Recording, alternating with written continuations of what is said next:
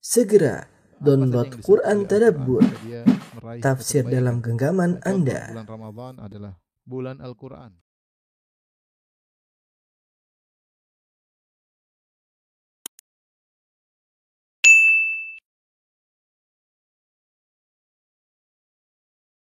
Bismillahirrahmanirrahim. Assalamualaikum warahmatullahi wabarakatuh. Alhamdulillahi ala ihsani wa syukru lahu ala taufiqihi wa amtinani. Asyhadu an la ilaha illallah wahdahu la syarika lahu ta'ziman li wa asyhadu anna Muhammadan abduhu wa rasuluh da ila ridwani. Allahumma salli alaihi wa ala alihi wa ashabihi wa ikhwani. Eh, kita lanjutkan bahasan kita sampai pada ayat yang 12 nomor 12 kata Allah Subhanahu wa taala fala'allaka tarikum ba'dha ma yuha ilaika wa dha'ikum bihi ay yaqulu laula unzila alaihi kanzun aw jaa'a ma'ahu malak innama anta nadhir wallahu ala kulli syai'in wakil. Artinya fala'allaka maka boleh jadi engkau hendak meninggalkan sebagian dari apa yang diwahyukan kepadamu dan sempit dadamu ya. Ya. Karena mereka mengatakan mengapa tidak diturunkan kepadanya perbendarahan harta atau kekayaan atau datang bersamanya malaikat. Innama anta nadhir sungguhnya engkau hanyalah seorang pemberi kabar memberi peringatan. Wallahu ala kulli syai'i wakil. Dan Allah yang mengurusi segala sesuatu. Ayat ini ter- ketika banyak sekali orang-orang musyrikin yang menuntut kepada Nabi Shallallahu Alaihi Wasallam untuk Nabi misalnya untuk didatangkan dunia seperti dalam ayat ini mereka berkata laula unzila alaihi kanzun au jaa ma'ahu malak. Coba Muhammad kalau dia seorang rasul coba turunkan harta benda kekayaan yang banyak. Kan kan maksudnya harta benda. Dan mereka menggunakan ibarat unzil diturunkan. Padahal kita tahu namanya harta benda itu bukan diturunkan tapi memang di atas muka bumi atau digali tapi mereka mengatakan unzil maksudnya mereka minta mukjizat mukjizat yaitu harta tersebut turun dari langit. Mereka minta harta bukan sekedar harta doang tapi cara turunnya pun harus menakjubkan. Yaitu turun dari apa?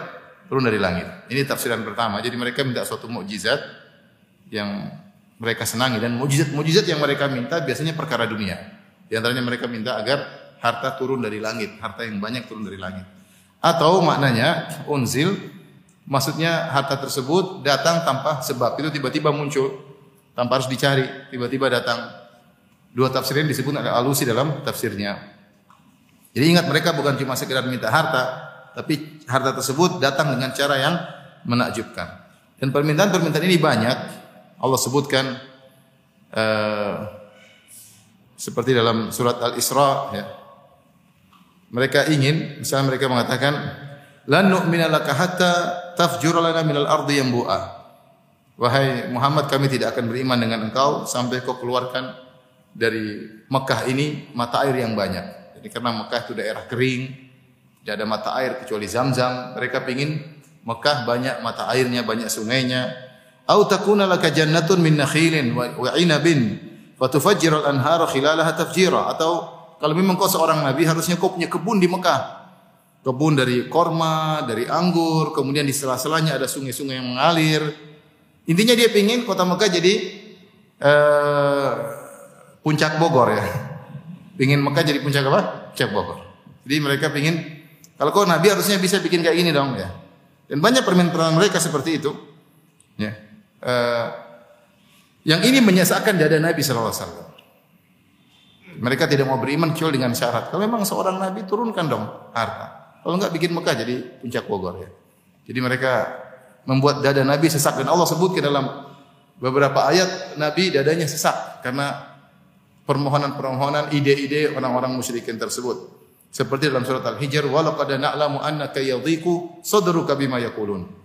Sungguhnya kami tahu bahwasanya dadamu sempit atas ucapan-ucapan mereka. Di antaranya permintaan-permintaan mereka. Di antaranya tuduhan-tuduhan mereka kepada Nabi. Tapi di antaranya permohonan-permohonan mereka tersebut yang, yang yang apa namanya? Yang mustahil-mustahil di antaranya masalah-masalah keduniaan. Dan ini menunjukkan bahwasanya Nabi Shallallahu alaihi wasallam ya, manusia. manusia meskipun dadanya telah dibersihkan oleh malaikat Jibril ketika Nabi sallallahu alaihi wasallam ya akan apa namanya eh, jadi ketika kecil dibersihkan dadanya ya diambil bagian daripada syaitan tetapi dia manusia dan memiliki sifat seperti itu. Jadi kalau dikata-katain juga Rasulullah SAW sedih dan dadanya sempit. sempit. Ya. Oleh karenanya Allah mengatakan fala alla katarikun jangan-jangan engkau wahai Muhammad ingin meninggalkan sebagian konten dakwah supaya mereka tidak ngata-ngatain begitu sama kamu. Jangan-jangan saking seringnya mereka bilang wahai Muhammad, kau nabi turunkan harta. Wahai Muhammad, kau nabi bikin Mekah jadi puncak Bogor. Sampai-sampai Nabi kayaknya mau meninggalkan sebagian konten dakwah supaya mereka tidak demikian. Zahir dari ayat ini seperti itu. Kata Allah, "Fala allaka." Jangan-jangan engkau tarikun ingin meninggalkan ba'dha ma yuha ilaik, ya. Meninggalkan sebagian apa yang diwahyukan kepadamu. Ada yang mengatakan yaitu orang kafir mengatakan, "Udah Muhammad, janganlah kau sebut ayat-ayat yang mencela Tuhan-Tuhan kami. Udahlah, Jangan udah. Biar kami beriman. Jadi mereka punya ide-ide, punya syarat-syarat agar Nabi agar mereka beriman dan Nabi sepertinya ya saking seringnya sampai Allah mengatakan fala Allah jangan-jangan engkau. Di sini ada dua kemungkinan. Kemungkinan pertama mungkin saja ada ide tersebut dalam hati Nabi supaya mereka beriman karena Nabi sangat ingin mereka beriman. Coba konten dakwah ini saya tinggalkan deh. Supaya mereka bisa uh, beriman. Coba konten dakwah ini saya tinggalkan supaya mereka bisa beriman.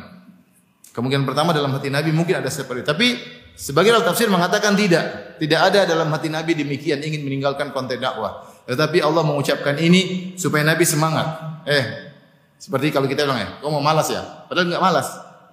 Misalnya ada orang mungkin terus apa namanya ngaji Quran terus eh kayaknya mau malas nih. Padahal enggak, itu ucapan begitu supaya memacu dia untuk apa? Tetap rajin. Ini tafsiran yang disebut oleh sebagian ulama seperti Al-Alusi dan yang lainnya. Jadi fala Allah karena fala Allah itu belum terjadi. Fala Allah katarikun. Jangan-jangan engkau akan meninggalkan. Dan ini menunjukkan betapa sering mereka memberi persyaratan kepada Nabi sallallahu alaihi wasallam. Kemudian kata Allah wa dhaikun bihi sadruk. Dan dadamu sempit. Wow di sini Allah alam bisawab yang benar adalah wawu al-haliyah, bukan wawu al-atifah, tapi wawu al-haliyah. Karena kalau wawu al-atifah dan beda kalau wawu al-haliyah kita artikan sementara, dadamu sempit. Kalau wawu al-atifah itu kata gandeng, kata gandeng maka kita artikan dan dadamu sempit. Kenapa kita tidak mengatakan wawu di sini adalah kata gandeng? Karena tarikun belum terjadi. Fala allaka tari'uk tarikun. Jangan-jangan kau akan meninggalkan sebagian konten dakwah. Kalau kita katakan wadhaikun berarti seakan-akan jangan-jangan dadamu juga sempit. Padahal dada Nabi memang sudah sempit, sudah terjadi. Jadi yang pertama tadi pun mutawaqqa, yang ini qad waqa'a. Jadi beda, yang satu akan terjadi, jangan-jangan yang satunya dhaikun sudah terjadi. Oleh karenanya waw di sini yang benar adalah waw al-haliyah. Kalau kita artikan jangan-jangan wahai Muhammad engkau akan meninggalkan sebagian konten dakwah karena dalam kondisi dadamu sempit. Sementara kondisimu dalam dadamu sempit. Mohon maaf yang nggak ngerti bahasa Arab ya. Apa itu awal haliyah, apa itu awal atifah, makanya belajar bahasa Arab ya. belajar. Kalau tahu bahasa Arab enak, baca tafsir ngerti. Kalau nggak tahu bahasa Arab ya agak repot ya. Ngertinya setengah-setengah ya. Taib. Maka saking seringnya mereka mempersyaratkan demikian, menawarkan kami akan masuk Islam, kalau kau turunkan harta, kalau kau ini, kalau kau anu, maka Allah ingatkan Nabi kata Allah, innama anta nadhir. Ya. Taib, uh, sebelumnya di sini Allah menggunakan kata dhaikun isim fa'il. Ini juga bahasa Arab. Dhaikun isim fa'il. Beda dengan kalau dhaikun. Kalau dhaikun sifat al-musyabbaha. Bedanya antara isim fa'il dengan sifat musyabbaha. Kalau isim fa'il artinya hanya tarik, hanya datang sesekali. Dada Nabi sempit, bukan terus-terusan. Kalau dhaik sifat musyabbahah yang menunjukkan kasratul fi'il artinya Nabi SAW selalu sempit dadanya dan Nabi tidak demikian. Dan Nabi tidak demikian. Artinya sempitnya dada seperti ini yang dialami oleh Nabi sesekali. Sesekali mereka karena dia adalah manusia, ketika mereka ngomong kamu kalau kamu Nabi turunkan dong harta, kalau kamu Nabi balah Mekah jadi puncak Bogor. sesekali Nabi sempit dadanya, tapi bukan sering-sering. Makanya Allah menggunakan isim fa'il, dha'iqun. Kembali lagi, mohon maaf yang tidak tahu bahasa Arab, apa bedanya isim fa'il? Isim itu apa, fa'il itu apa? Sifah musyabbaha bil ismil fa'il apalagi lebih nggak ngerti. Ya sudahlah. Eh, banyak-banyak istighfar. Karena banyak istighfar, semangat belajar yang lain bahasa Arab kurang kurang belajar. Karena sebagian ulama mengatakan belajar bahasa Arab hukumnya wajib ya. Sebagian ulama yang mengatakan bahasa Arab hukumnya wajib berarti banyak istighfar dong karena antum tidak belajar bahasa Arab. Innama anta nadhir, sungguhnya engkau hanyalah pemberi peringatan wahai Muhammad. Artinya mereka tidak beriman jangan kau sedih Muhammad, bukan urusanmu wahai Rasulullah sallallahu alaihi wasallam. Mereka bilang wahai Muhammad kalau kamu mau kami beriman, bikin ini, bikin ini, turunkan harta, datangkan malaikat bersamamu. Au ja'a ma'ahu malak, datangkan hadirkan ketika kau dakwah malaikat di sampingmu bilang Muhammad benar, Muhammad benar. Syarat yang susah. Maka Allah mengatakan, mereka tidak beriman, enggak usah urusan Rasulullah. Tugasmu hanya innama anta nadhir, kau hanya menyam, menyampaikan. Artinya dadamu jangan sempit. Kalau mereka tidak beriman, enggak ada masalah. Allah ingatkan demikian. Kau enggak usah sempit dadamu wahai Rasulullah sallallahu alaihi wasallam. Mereka tidak beriman enggak ada masalah karena tugasmu hanyalah untuk menyampaikan. Ini nih dalil para ulama menyebutkan bahwa seorang dai ketika dia berdakwah, ketika orang menentang, orang ngata-ngatain, orang tinggalin atau diusir, jangan dia mundur. Jangan dia mundur, disampaikan yang hak. Kemudian ada yang ini akhirnya ngeles, akhirnya ngeles. Dia mengatakan haram gara-gara dia ini akhirnya dia katakan oh tidak haram. Jangan, enggak boleh. Kalau haram haram, syirik syirik. Ya. Supaya kemudian dia mau diterima sama orang dia bilang oh maksud saya bukan haram. Oh maksud saya bukan syirik, itu namanya ngeles. Enggak, enggak boleh begitu. Dia bilang haram, ente diusir ya pergi aja. pergi aja. Enggak usah ente bilang maksud saya bukan haram, enggak boleh. Ente berarti cari keriduan manusia, bukan keriduan Allah Subhanahu wa taala. Sampaikan dengan usul yang baik, dengan cara yang terbaik namanya dai kadang-kadang kelepasan ngomong, terkadang emosi kadang. Tapi kalau benar sampaikan benar. Sampaikan benar, jangan ngeles supaya selamat, enggak boleh. Ya.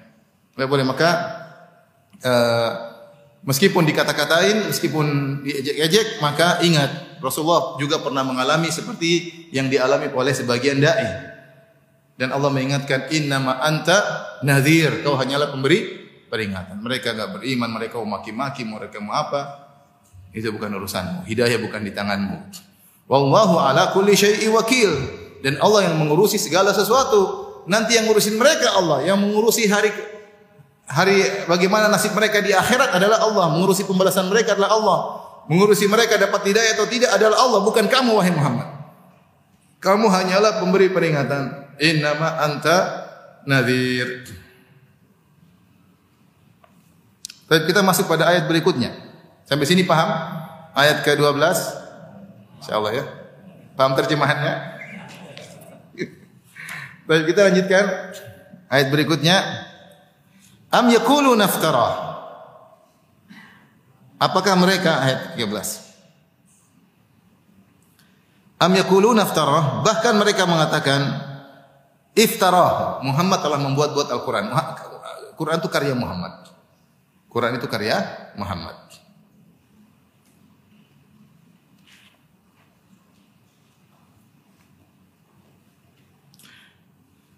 Subhanallah, apa namanya? Bahayanya pendapat yang mengatakan bahwasanya uh, Al-Quran itu kalam nafsi, adapun lafalnya dari Muhammad itu mendapat bahaya, pendapat sebagian asyairah seperti itu. Asyairah mengatakan Al-Quran ini bukan firman Allah. Kenapa? Karena Allah itu berfirman tanpa suara, tanpa huruf. Jadi hanya maknanya doang yang dipahami oleh Muhammad. Kemudian Muhammad mengungkapkan dengan bahasa dia sendiri. Muhammad mengungkapkan dengan bahasa dia sendiri. Ini kalau seandainya demikian maka tuduhan orang musyrikin benar. Iftarah. Al-Quran hanya karangan siapa? Muhammad. In hada illa qaulul bashar. Sebagian Walid, Walid bin Mughirah mengatakan Quran ini hanya perkataan manusia. Kalau kita ahlu sunnah enggak.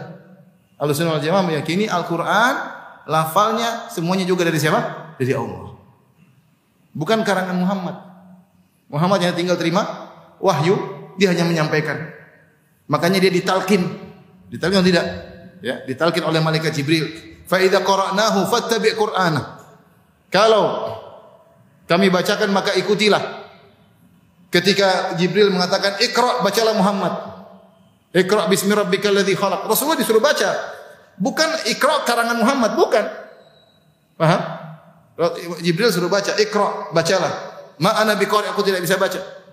Jibril peluk Nabi Muhammad SAW sampai sesak napasnya dilepas. Iqra, baca. Ma ana biqari, aku tidak bisa baca. Sampai tiga kali. Baru, baru kemudian Jibril mentalkin. Iqra bismi rabbikal ladzi khalaq. Muhammad ikut sallallahu alaihi wasallam. Iqra bismi rabbikal ladzi khalaq. Khalaqal insana min 'alaq. Iqra wa rabbukal akram alladzi 'allama bil qalam 'allamal insana ma lam ya'lam. Jadi Muhammad Quran bukan karangan Muhammad, bukan. Bukan seperti sebagian Asy'ariyah mengatakan Taurat maknanya dari Allah, lafalnya dari Musa, kata mereka. Injil maknanya dari Allah, lafalnya dari Isa.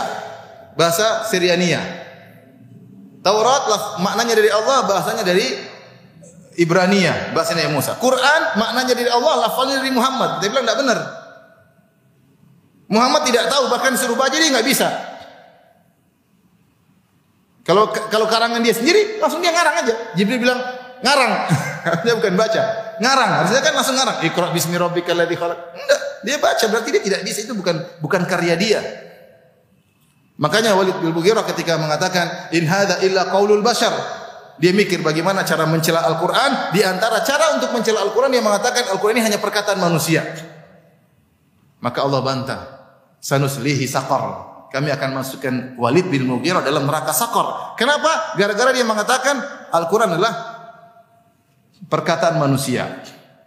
Tentu orang-orang Asy'ariyah bukan maksudnya untuk menghina Al-Quran, tapi mereka terjebak dengan syubhat tentang statisnya Tuhan. Intinya ini pembahasan lain sendiri. Intinya akhirnya mereka mengatakan Al-Quran ini bukan firman Allah yang kita baca, bukan. Tetapi firman Allah itu ada kalamun nafsi bahasa jiwa yang kemudian diterjemahkan oleh Muhammad dengan bahasa Arab jadilah Al-Qur'an. Kalau Al-Qur'an ini lafalnya alif lam mim dzalikal kitabul raiba fi karangan Muhammad, maka orang musyrikin akan bisa ngikut, bisa niru. Paham atau tidak? Paham. Karena ini bukan lafalnya Muhammad, maka mereka tidak bisa tiru. Mereka tidak bisa tiru. Mereka mengatakan am yakunu naftara. Bahkan orang-orang musyrikin berkata iftara. Quran itu karangan Muhammad. Karangan Muhammad. Apa bohong-bohongannya Muhammad? Buat-buatannya Muhammad. Kata Allah, "Qul fa'tu bi asyri suwarin mithlihi muftarayatin." Tantang mereka wahai Rasulullah, katakanlah kalau demikian memang karanganku, kalau ini Al-Qur'an karanganku sebagaimana kata kalian, maka fa'tu bi asyri suwarin, datanglah 10 surat seperti ini, mithlihi seperti Al-Quran 10 surat saja. Enggak usah semuanya, 10 surat. Muftarayatin. Ya. Wada'u man istata'tum min dunillahi in kuntum sadiqin. Datangkanlah 10 surat yang dibuat-buat juga sebagaimana aku buat-buat, kalian juga bisa buat-buat. Kita kan sama-sama Arab. Kalau memang ini karangan Muhammad, harusnya kamu juga bisa dong. Saya Arab, kamu Arab, ya kan? Sama-sama Arabi. Saya Arabik, kalian juga Arabi. Kalau saya bisa ngarang, kalian juga bisa bisa ngarang, harusnya. Bahkan bukan cuma itu, wahai orang Quraisy, wa da man istata'tum min dunillah. Minta tolong kepada semua selain Allah. Minta tolong sama jin, minta tolong sama malaikat, minta tolong sama semuanya. Minta tolong sama Jibril, sama siapa yang kalian bisa minta tolong untuk bikin seperti Al-Qur'an. In kuntum. Kalau kalian memang benar. Tantangan mendatangkan Al-Qur'an eh, datang dalam tiga, tiga model ya. Pertama, tantangan untuk mendatangkan Al-Quran secara utuh. Falyatu bihadithin mithlihi. In kanu sadiqin. Kalau dalam surat Tur, kalau mereka mampu, datangkanlah semisal Al-Quran. Kalau memang Al-Quran itu karangan Muhammad, kalian bisa datangkan semisal Al-Quran. Kalau memang mereka benar, datangkan seperti Al-Quran. Jadi tantangan mendatangkan Al-Quran seperti Al-Quran seutuhnya. Dan Allah mengatakan qul la in jitama'atil insu wal jinnu ala ayatu bimithli hadzal qur'an la ya'tuna bimithlihi walau kana ba'dhum li ba'din dhahira.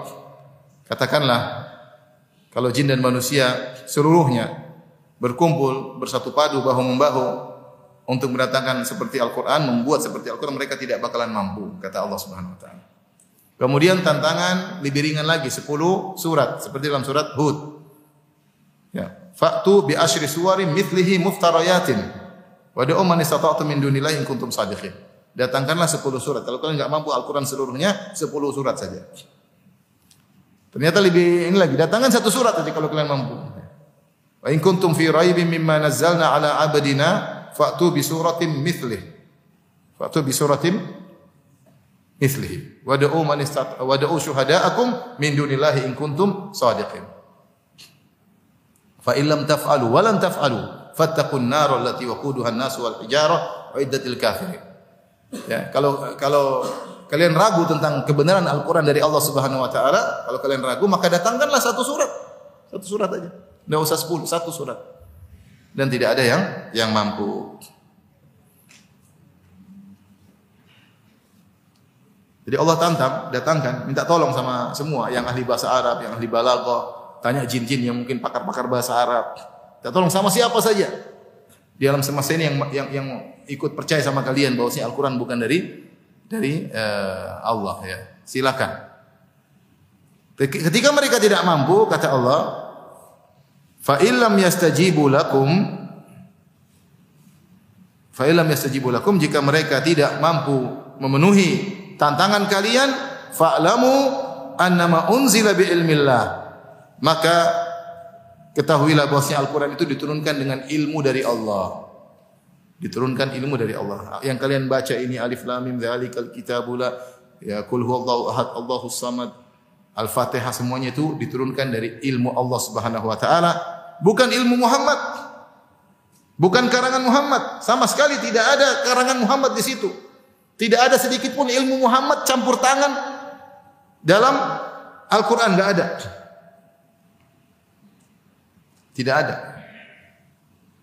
Semuanya benar-benar dari ilmu Allah. Ibnu, Ibnu Taimiyah rahimahullah taala punya perkataan yang indah tentang masalah ini.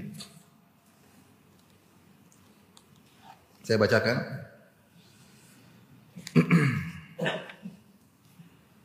dalam majmu' fatawa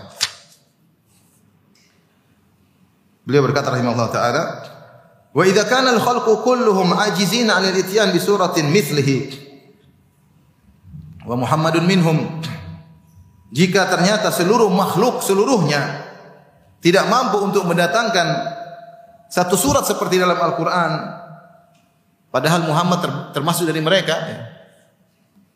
Muhammad juga makhluk. Muhammad cuma satu orang. Kalau ini karangan Muhammad kan harusnya semua orang bisa bikin lah, bisa niru. Muhammad satu orang, Sallallahu Alaihi Wasallam. Ternyata kalian ratusan ribuan miliaran orang tidak bisa bikin seperti ini. Berarti bukan karya Muhammad dong. Logikanya sederhana. Ya. Muhammad satu orang, kalau ini karya, karya Muhammad satu orang bisa bikin, kalian harusnya secara logika harusnya bisa dong. Kata Ibnu Taimiyah, Wa in kana al-khalqu kulluhum ajizina 'anil ityan bi suratin mithlihi wa Muhammadun minhum. Jika seluruh makhluk tidak mampu mendatangkan semisal Al-Qur'an padahal Muhammad adalah bagian dari dari darinya dari mereka ulima annahu munazzalun minallah maka dengan ini diketahui Al-Qur'an itu bukan karya Muhammad tapi turun dari Allah Subhanahu wa taala. Nazzalahu bi ilmihi. Allah turunkan Al-Qur'an dengan ilmunya. Lam yunazzilhu bi ilmin makhluk. Allah tidak turunkan dengan ilmu makhluk manapun. Jadi tidak ada sedikit pun campur tangan Muhammad dalam Al-Quran. Tidak ada ide, tidak ada, tidak ada. Semuanya dari ilmu Allah Subhanahu wa taala. Tidak ada campur tangan Muhammad sedikit pun.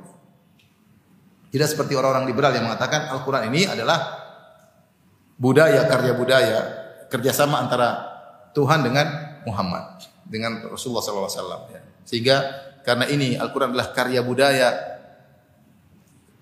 apa namanya gabungan kerjasama antara Tuhan dengan Muhammad maka jangan jangan tekstual jangan tekstual karena budaya itu terpengaruh dengan kondisi yang ada sekitarnya zamannya dan kondisi lingkungan sekitarnya oleh karena kita memahami Al-Quran jangan tekstual tapi kontekstual paham ya, jadi jangan jangan paham teks tapi kita kontekstualnya ya, ya.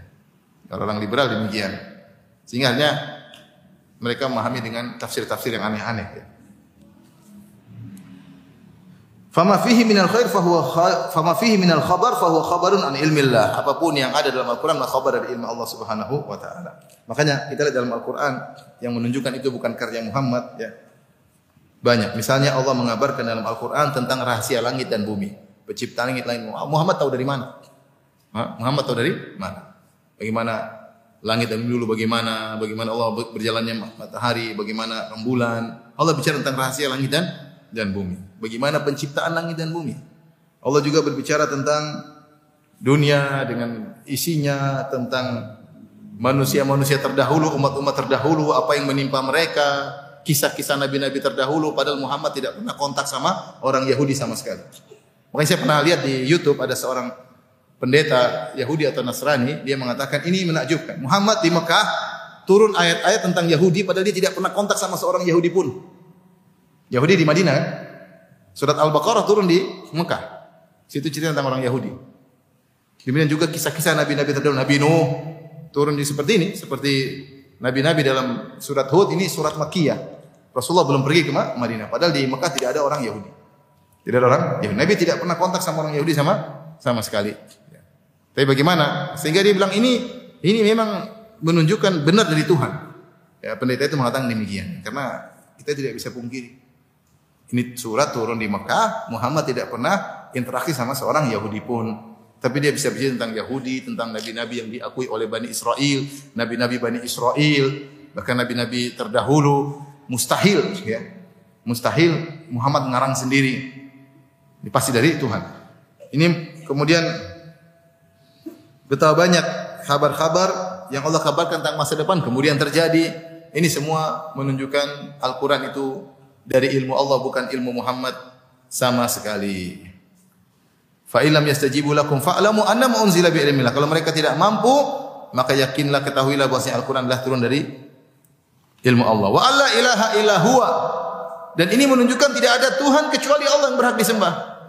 Kalau kamu tahu Al-Qur'an ini turun dari Tuhan, yang dalam Al-Quran tentang hal goib, tentang masa depan, tentang masa lalu, tentang kejadian alam, tentang langit, tentang bumi, tentang rahasia, tentang janin, tentang macam-macam.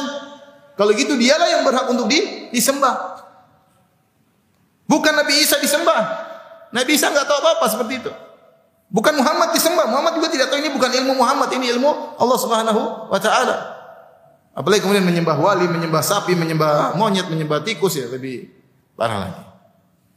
Karena Al-Qur'an yang turunkan Allah yang punya ilmu yang luar biasa, maka dia yang berhak untuk di, disembah. Makanya Allah mengatakan, "Fa'lamu annama unzila bi ilmillah." Kalau gitu ketahuilah Al-Qur'an diturunkan dengan ilmu Allah dan ketahuilah wa alla ilaha illa huwa tidak ada yang berhak disembah kecuali Allah. Fahal antum muslimun? Jika tidakkah kalian masuk Islam? Di sini ada tiga pendapat di karangan para ahli tafsir tentang fa illam yastajibu lakum. Disebut dalam buku-buku tafsir. Jika mereka tidak memenuhi seruan kalian, jika mereka tidak memenuhi seruan kalian, siapa mereka, siapa kalian? Pendapat pertama dan ini yang zahir, yang dimaksud dengan mereka tidak memenuhi panggilan seruan kalian maksudnya apa namanya? Uh,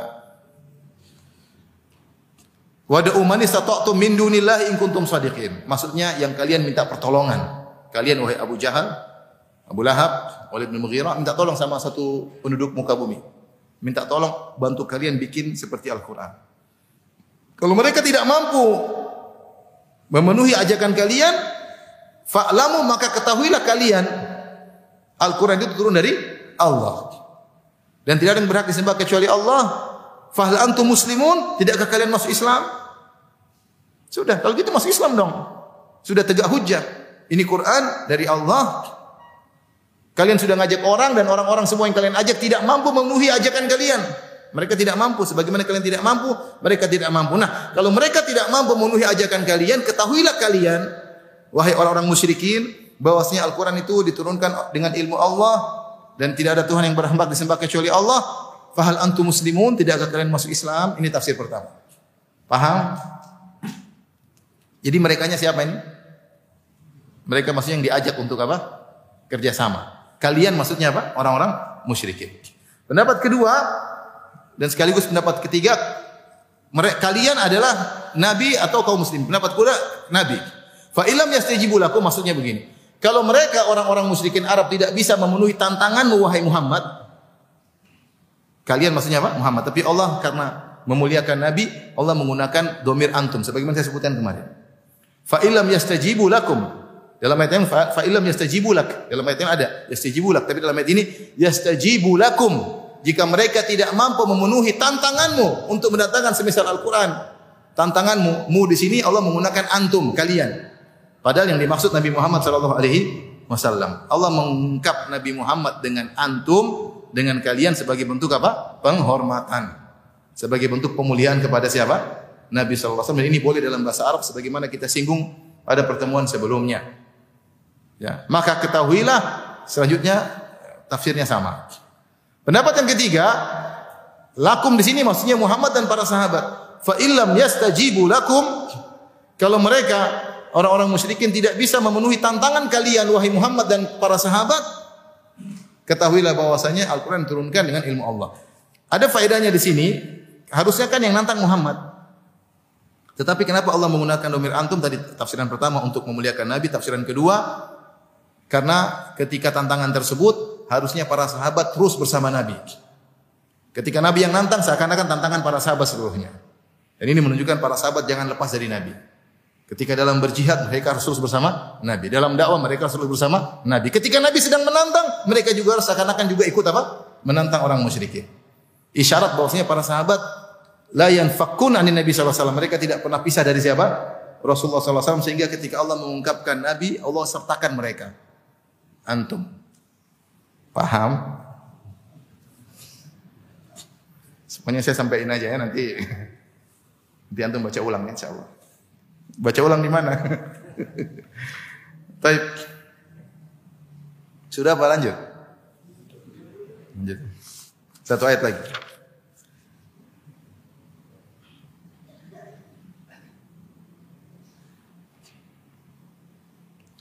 Tapi ayat ke-16, ayat ke-15. Kata Allah Subhanahu wa taala. Man kana yuridul hayata dunya wa zinataha. Barang siapa yang ingin kehidupan dunia dan perhiasannya. Nuwaffi ilaihim a'malahum fiha. Niscaya kami berikan kepada mereka balasan pekerjaan mereka di dunia dengan sempurna. Wa hum fiha la yubkhasun. Dan mereka tidak akan dirugikan, tidak akan dikurangi uh, jatah mereka di dunia. Ulaika alladzina laisa lahum fil akhirati illa nar. Mereka itulah orang-orang yang di akhirat tidak dapat bagian kecuali neraka. Wa habita ma sana'u fiha ayat ke-16 dan e, lenyaplah e, apa yang telah mereka usahakan, jatuhlah gugurlah apa yang mereka usahakan di dunia. Wa batilu makanu ya'malun dan sia-sialah apa yang telah mereka kerjakan. Ayat ini apa hubungannya dengan ayat-ayat sebelumnya. Hubungannya kita sebutkan tadi di apa namanya di awal kajian kita ya. Rasulullah SAW dadanya terkadang sempit karena mereka mengatakan laula unzila alaihi kanzun. Seandainya Muhammad kalau dia benar-benar nabi dia turunkan harta dari langit.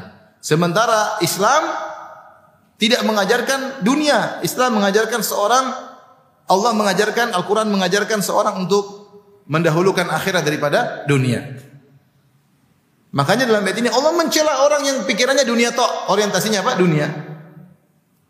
Jadi Allah mencela. Siapa yang orientasinya dunia sama seperti orang musyrikin.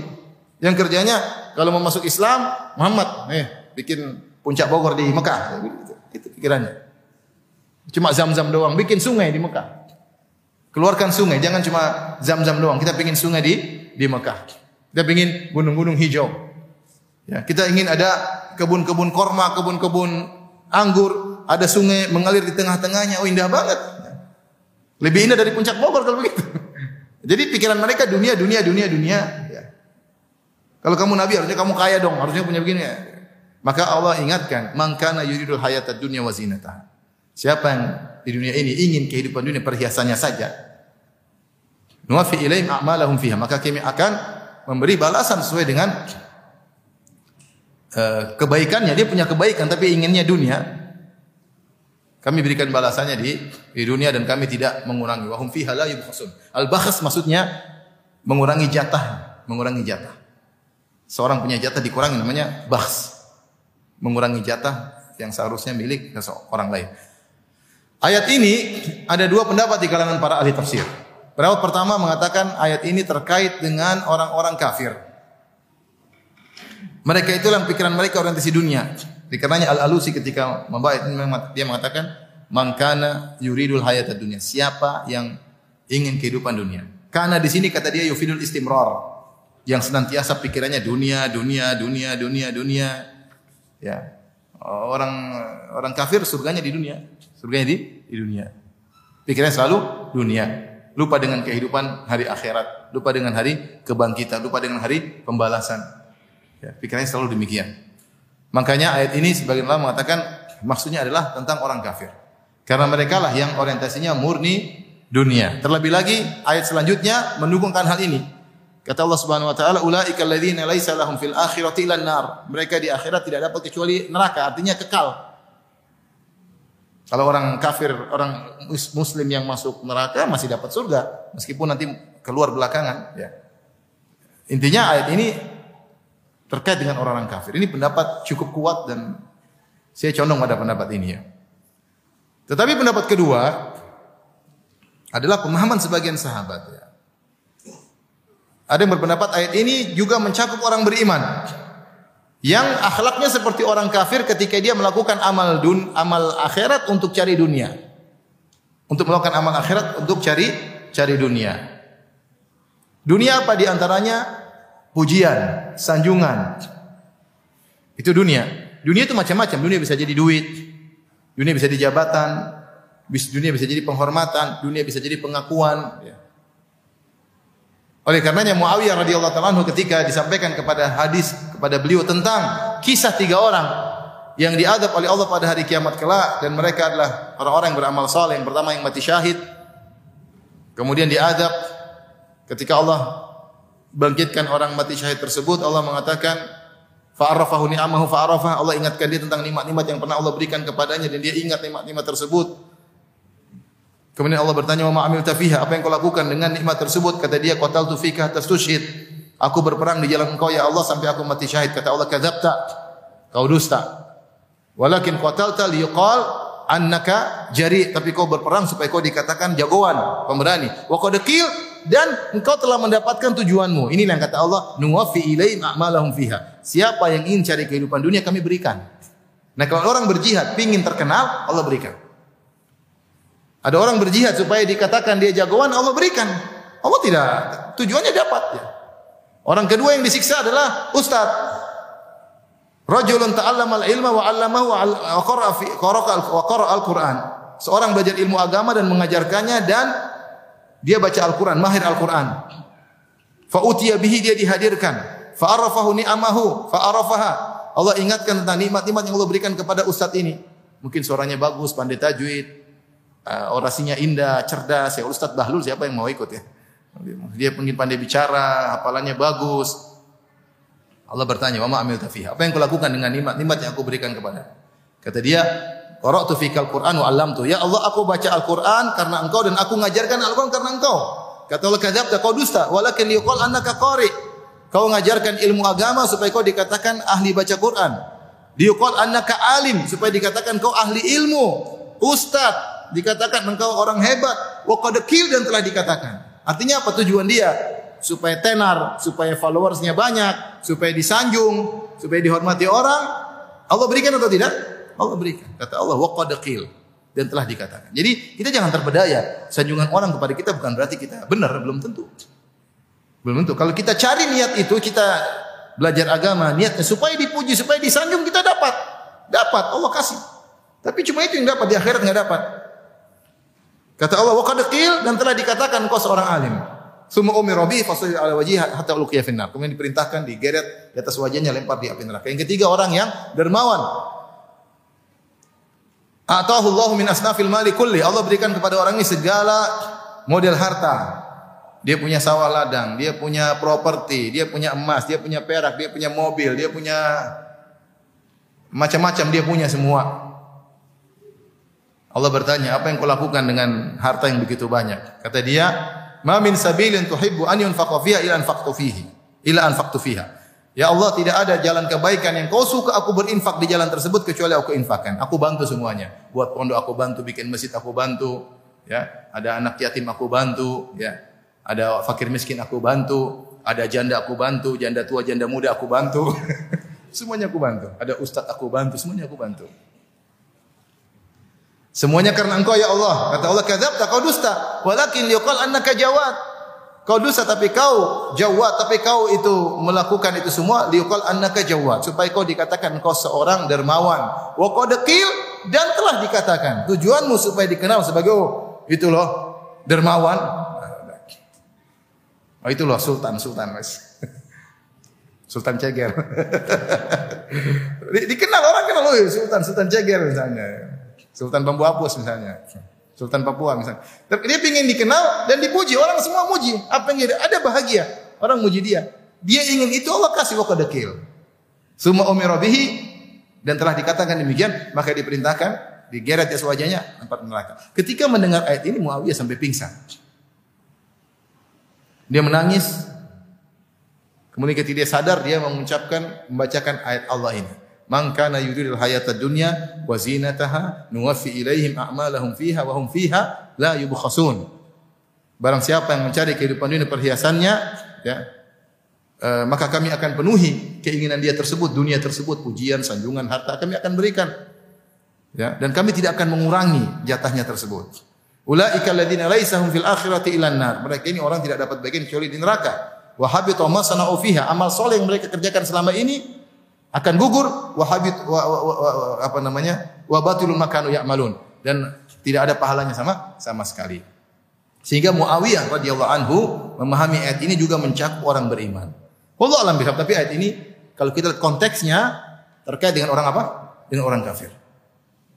Yang benar-benar tidak mendapatkan bagian di, di akhirat kecuali neraka cuma orang-orang orang kafir. Dan buktinya sekarang orang kafir bukan cuma antum yang rajin sedekah, orang kafir juga rajin sedekah. Saya punya teman-teman yang kerja sama orang kafir, mereka bilang teman-teman saya Ustaz orang kafir sebagian mereka rajin sedekah dan mereka tahu mereka sedekah, mereka sedekah dan mereka dibalas oleh Allah di dunia. Mereka dibalas. Siapa yang bersedekah muslim atau kafir akan dapat balasan dunia. Bedanya orang beriman mencari akhirat. Maka balasannya tidak cuma diberikan di dunia, di akhirat juga dapat. Orang kafir tidak. Mungkin balasnya lebih banyak. Dia sedekah sedikit dapat banyak, sedekah sedikit dapat banyak. Kalau antum sedekah sedikit mungkin enggak terlalu banyak. Orang kafir dikasih full oleh Allah. Ya. Adhabutum thayyibatikum fi hayatikum dunya. Mereka telah merasakan kenikmatan dunia di di dunia ini. Semua yang mereka lakukan kalau mereka baik Allah berikan. Makanya kalau ada orang kafir namun silaturahmi, orang kafir aja sedekah, orang kafir perhatian sama tetangga, oh biasanya dia, dia juga kaya biasanya. Dia juga diberi apa? kekayaan. Tapi di akhirat tidak uh, tidak dapat. Jadi ini dua pendapat di kalangan para ulama. Intinya meskipun kita menguatkan pendapat ayat ini terkait orang kafir, tetapi seorang jangan berakhlak dengan akhlak mereka. Jangan berakhlak dengan akhlak mereka. Berusaha semaksimal mungkin seorang ketika beramal saleh karena Allah Subhanahu wa taala.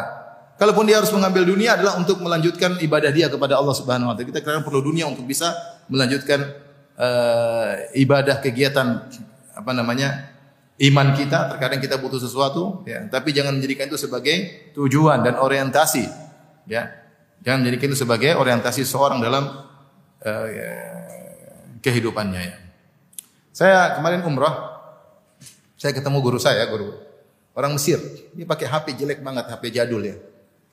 Bejal mungkin HP saya ketemu dia sebelum pandemi dia pakai HP kayak gitu.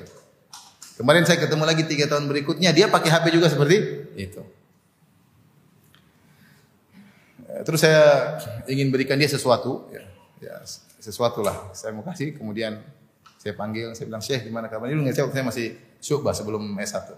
Dia tidak mau terima, dia tidak mau terima. Padahal boleh, kita agak, dia sudah tidak ngajar saya dan saya kasih hadiah sebagai bentuk apa namanya?